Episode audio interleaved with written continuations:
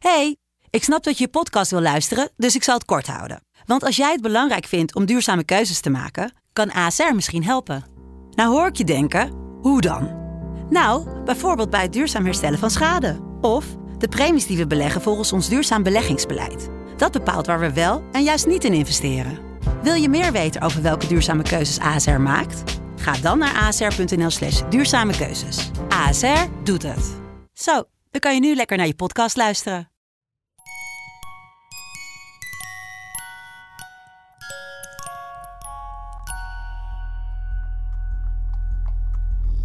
De stroom. Sinterklaas komt elk jaar met de stoomboot uit Spanje naar ons landje om hier pepernoten en cadeautjes uit te delen. Een echte goed heiligman. Maar diezelfde Sinterklaas heeft geprobeerd een zwaar beveiligde locatie van een grote bank te hacken.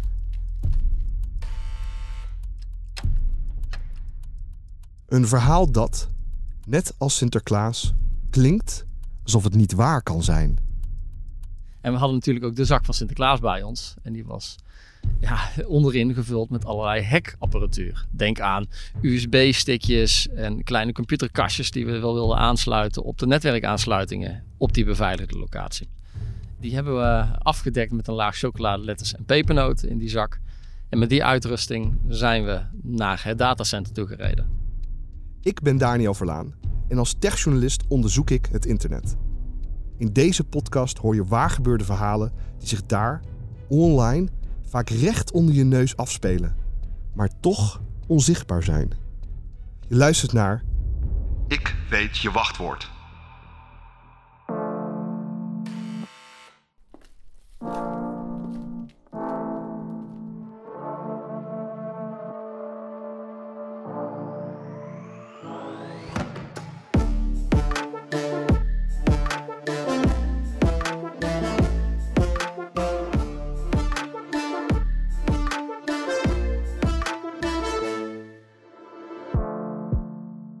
Sinterklaas is een kinderfeest.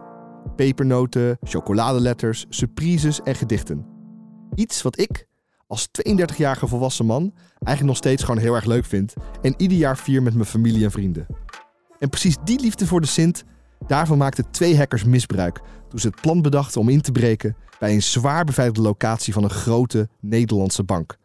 Om in het systeem binnen te dringen, moesten ze eerst zelf het gebouw van de bank binnen zien te komen prikkeldraad, overal beveiligingscamera's, groot hekwerk.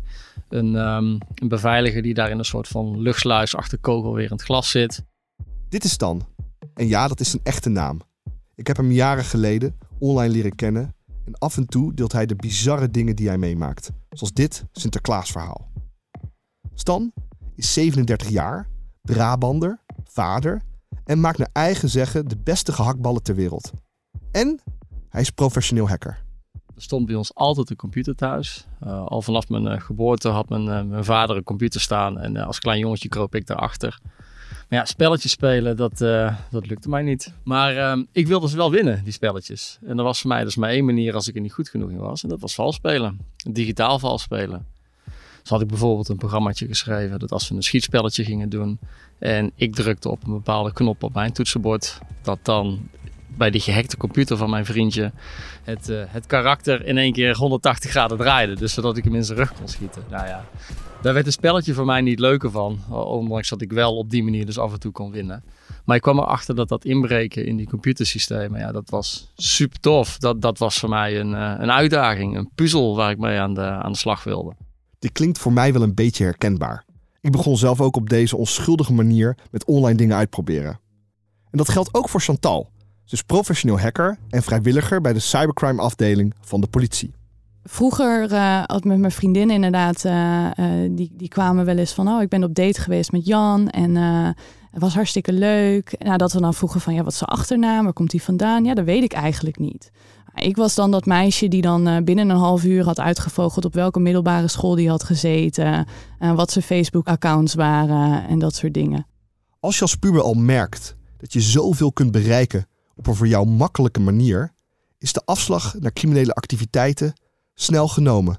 Ja, als je 12 bent en je bent al zo goed met, uh, met software en computers dat je overal kan inbreken waar je wil, dan, ja, die consequenties, uh, die overzie je waarschijnlijk ook niet op die leeftijd. Maar daar moet je echt mee uitkijken, want dat, uh, dat is gewoon strafbaar. Dat valt onder inbreken en dat valt onder de wet computervredebreuk. Daar kan je gewoon voor vervolgd worden. Maar bij Stan lag dat anders. Ach, ik was een scheidluis. Toen ik een keer riep, toen ik ergens ingebroken had van... hé, hey, als ik nu op deze knop druk, dan ben ik vanavond in het 8 uur journaal. Het eerste wat mijn moeder riep is... nou, en dan staat 10 minuten later de politie op de stoep. Dus ja, de juiste opvoeding heb ik wel, wel meegekregen.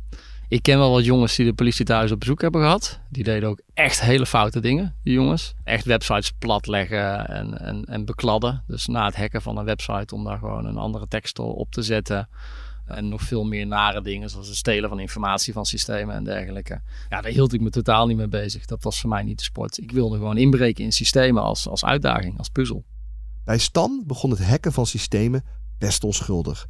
Tot zijn hobby begon op te vallen bij andere bedrijven. Maar of zijn vader dat ook vertrouwde? Die dacht uh, misschien van uh, politie op de stoep. Of er komen dadelijk allerlei rare verzoeken om, om in te breken bij, bij partijen waar het helemaal niet mag en dat soort dingen. Dus hij is meegegaan naar de eerste afspraak. En ik denk dat het voor hem ook wel een eye-opener was om te zien van... hé, hey, Potjandori, dat jochie kan daadwerkelijk hier uh, zijn bijbaantje van maken. Nou, dat bleek wel een soort van kinderarbeid. dus het was natuurlijk een win-win situatie. Ik weet niet meer precies wat ik verdiende. Ik geloof dat het ergens iets van 20 gulden per uur was of zo. Dat is flink meer dan vakken vullen. En voor mij voelde het als uh, ja, het, beste werk wat ik, uh, wat ik naast mijn school kon doen. Uh, maar ik heb natuurlijk nooit een klant van binnen gezien, omdat dat internetbedrijf waarschijnlijk echt niet tegen hun klanten durfde te laten zien dat er een jongetje van 15 aan de achterkant die, die testen zat uit te voeren. Nou, voor die twee tientjes doet hij het inmiddels niet meer. Stan is nu fulltime professioneel hacker, net zoals Chantal. Je kunt hun werk eigenlijk het beste vergelijken met dat van een vaccin. Je spuit iets in waarbij uh, je lichaam aan het werk gaat om dat er ook weer uit te werken. En van dat eruit werken leer je.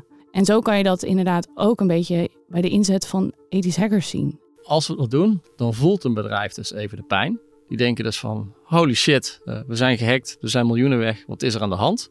Vaak is het ook alleen maar de directie die weet dat dit loopt. Hè? Dus, dus de echte security afdelingen en de fraude afdelingen, die, die voelen echt even stress. We dienen een beetje pijn toe aan de organisatie die we hacken, zodat die leert hoe dat die beter bestemd is tegen een echte hacker die later een keer voorbij komt. En een van die organisaties is een grote bekende bank, waarvan Stan de naam om juridische redenen niet mag noemen. Maar die bank gaf hem tien jaar geleden een haast onmogelijke opdracht. Het was ergens eind november en er liep een grote opdracht bij een bank, waarbij we zowel digitale aanvallen hebben gedaan. Dus denk aan het versturen van phishing mailtjes en digitaal proberen in te breken. Als ook, er zat een fysieke component bij. Er was namelijk een locatie van deze bank, een zogenaamd datacenter, waar echt hele belangrijke banksystemen staan. Dus hele belangrijke servers, hele belangrijke computersystemen, die heel veel betalingen en andere belangrijke informatie en zo van de bank verwerken. En die stonden ergens digitaal in een beveiligde ruimte op een beveiligd terrein. Prikkeldraad, overal beveiligingscamera's, groot hekwerk. Een beveiliger die daar in een soort van luchtsluis achter kogelwerend glas zit. En ja, die beveiliger die checkt of dat jij aangemeld bent als bezoeker. Die wil jouw paspoort zien. Als dat allemaal oké is, dan mag je het terrein op. En dan komt een tweede beveiliger in het gebouw zelf, dat op het terrein staat. Die komt jou oppikken om jou te begeleiden naar bijvoorbeeld een vergaderkamer of de, de, de bedrijfskantine die daar zit. Uh, maar de beveiligde ruimtes die, uh, die daar op die locatie staan, die kom je als bezoeker echt niet zomaar in. Dus die optie viel gelijk al af. Ik ken verhalen waarin hackers zich hebben voorgedaan als een medewerker van de arbeidsinspectie, of als de pizzabezorger die na sluitingstijd eten komt brengen, of de welbekende postbode die een belangrijk pakket komt afleveren. Maar deze plek, dit was niet zomaar een bedrijf.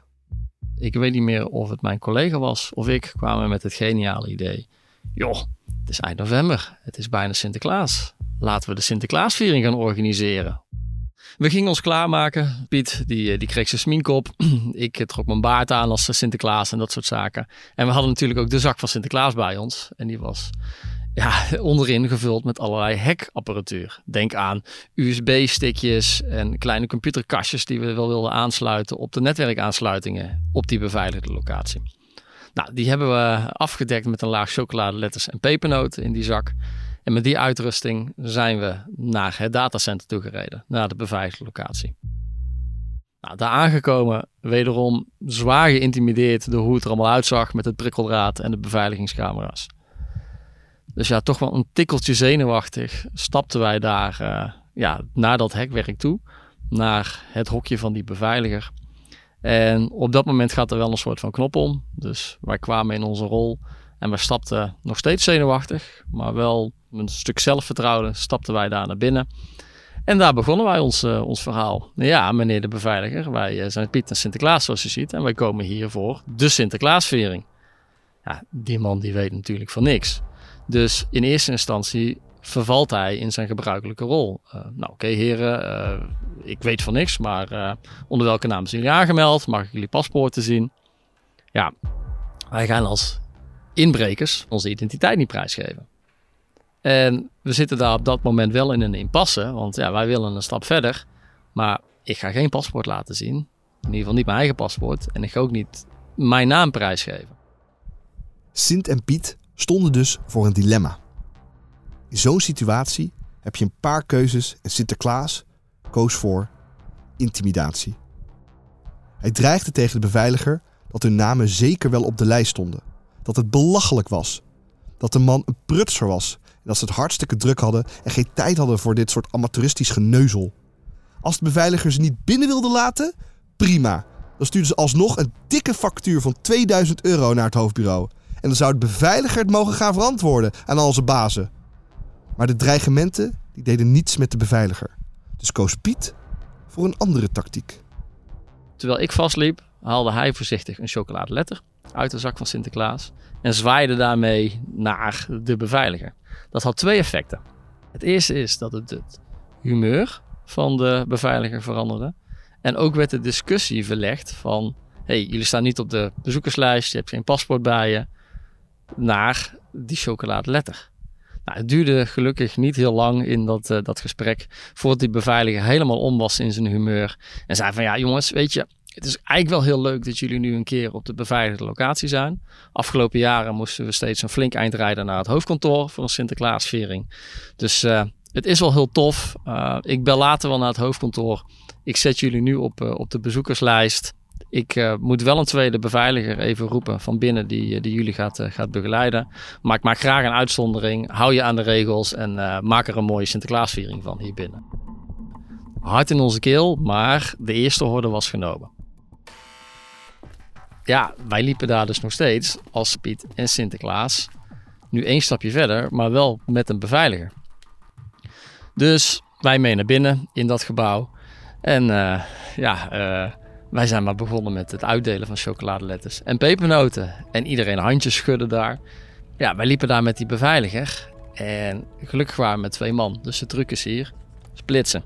In dit geval heeft de Pieter die netjes gevraagd, maar die is op een gegeven moment een beetje wild. Is hij gewoon uh, weggelopen bij die beveiliger. Ik geloof dat hij zoiets riep als: hey, ik moet naar de wc. En je zag die beveiliger kijken van: oh jee, wat doe ik nu? Blijf ik bij Sinterklaas of ga ik achter Piet aan? Nou, hij bleef bij mij. Dus Piet die zag zijn kans gewoon om een stukje zelfstandig door het gebouw eh, te bewegen. Nou ja, op een gegeven moment een, uh, een hele dikke deur met daarnaast een paslezer. En dan voel je wel aan van oké, dit is een ruimte waar bezoekers niet zomaar mogen komen. Dus hier zal het wel raak zijn. Hij heeft flink staan kloppen op die deur, totdat er iemand open deed. Dat was een van de ruimtes waar het voor ons heel interessant zou zijn om even een apparaatje op de netwerkaansluiting te doen. Of om een USB-stickje ja, in te voegen op een van de computerapparaten die in die ruimte stonden. Maar ja, Piet, die had in dit geval ook tien paar ogen op zich gericht staan. Dus uh, die zag daar niet zijn kans gewoon om even te doen wat hij daar wilde doen. Nou, gelukkig, hoe krijg je een stel volwassenen eigenlijk als kleine kinderen? Door te strooien met pepernoten. Dus Piet die deed zijn hand in de zak van Sinterklaas, haalde een goede pak pepernoten eruit, strooit die in de hoek. En op dat moment was er zoveel aandacht voor die pepernoten en zo weinig voor die Piet met de zak van Sinterklaas, dat hij daar zijn kans schoon zag inderdaad om een apparaatje uit de zak van Sinterklaas te pakken en die uh, in te kunnen voeren in een, uh, in een computersysteem daar. Missie geslaagd. In dit geval eindigde hier de inbraak. De directie van de bank had nooit gedacht dat het de hackers daadwerkelijk zou lukken om fysiek binnen te komen. Maar als het zou lukken, dan konden ze zelf wel een inschatting maken van de schade en de grootte van de diefstal. Stel het eens voor dat jij in de schoenen van die eerste beveiliger staat. Dat jij dus diegene bent geweest die in ruil voor een chocoladeletter twee inbrekers binnen hebt gelaten. Of dat je de tweede beveiliger bent die Piet uit het oog verloren is. Of een van de werknemers die allemaal achter de pepernoten aandoken terwijl ondertussen kastjes werden bevestigd waarmee de inbrekers van een afstand gemakkelijk de systemen inkomen. Stan breekt in bij overheden, banken en de grootste financiële instellingen ter wereld. Maar ook voor andere of kleinere bedrijven, waar jij misschien wel voor werkt, is het heel belangrijk om online weerbaar en dus goed beveiligd te zijn. Omdat uh, het voor aanvallers niet uitmaakt wat voor een bedrijf je bent. Als ze binnen kunnen komen, dan kunnen ze binnenkomen. En je ziet het nu ook heel veel gebeuren met de ransomware aanvallen. Grote bedrijven, uh, daar vragen ze grote bedragen aan. De kleinere bedrijven, daar passen het bedrag gewoon op aan. Het is niet de vraag of je wordt gehackt. De vraag is wanneer je wordt gehackt. Het gaat ons allemaal overkomen.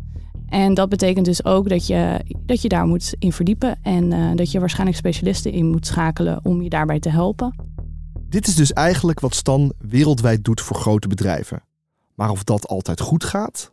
We zijn ooit een betaling van 1,2 miljoen zijn we kwijt geweest. Wij hebben dus in kunnen breken in zo'n betaalsysteem. Daar een malafide transactie in kunnen schieten van 1,2 miljoen naar een buitenlands rekeningnummer. Maar dat buitenlands rekeningnummer dat was opgegeven door de klant. Echter, het geld was meteen weg. Maar een week later was het nog steeds niet bij die andere rekening in het buitenland aangekomen. Nou, uh, flink zitten zweten. Met name die klant die dat rekeningnummer had geregeld, die heeft flink zitten zweten van jeetje, waar is het geld? Wat bleek er nou aan de, aan de hand te zijn? Eindelijk wel bij die betreffende bank aangekomen. Maar die bank die kon het niet overmaken naar dat rekeningnummer. Want het was een spaarrekening en geen betaalrekening. Dus die konden die transactie niet ontvangen. Dus het was even opzij gezet in een speciaal potje van die bank. Van hé, hey, dit moeten we uitzoeken. Maar goed, wij zijn dus wel een week lang op zoek geweest naar waar is de 1,2 miljoen. En dat was wel even, even zweet. Stan en Chantal begonnen dus met het hacken van onschuldige computerspelletjes en de mediatheek. En hebben hier dus nu een beroep van gemaakt. De vraag die ze het meest krijgen over hun werk? Wat doe je dan de hele dag? Uh, zit je alleen maar uh, achter je laptop in een hoodie? Wat heb je laatst nog gehackt? kan je me helpen mijn computer uh, beter te maken? Um, of ik kan niet meer in mijn Instagram-account. Kan je me daarbij helpen? Ik krijg nog wel eens ouders op me af die zeggen van... hé, hey, mijn zoon of mijn dochter die vindt dit fantastisch. En als ik dan een beetje doorvraag, dan is het met name vaak de ouder die het een heel interessant onderwerp vindt en die graag zou zien dat zijn zoon of dochter ethisch hacker zou worden. Terwijl dat jongetje of dat meisje in feite op dit moment de hele dag zit te gamen. Ja, dan zeg ik altijd van joh, als je zoon of dochter het echt interessant zou vinden, dan zou die daar wel op jonge leeftijd zelf al mee aan de slag zijn gegaan. En als dan het nou op een dag helemaal zat is? Dan kan ik misschien alsnog een gehaktballenrestaurant openen. Je luisterde naar ik weet je wachtwoord. Elke laatste woensdag van de maand komt er een nieuwe aflevering online. Klik op volgen in jouw podcast-app, dan zie je hem vanzelf verschijnen. En ben je hier enthousiast over? Deel hem vooral met je vrienden. Voor meer spannende verhalen kun je ook mijn boek Ik weet je wachtwoord lezen, de gelijknamige website checken of volg me op Daniel Vlaan.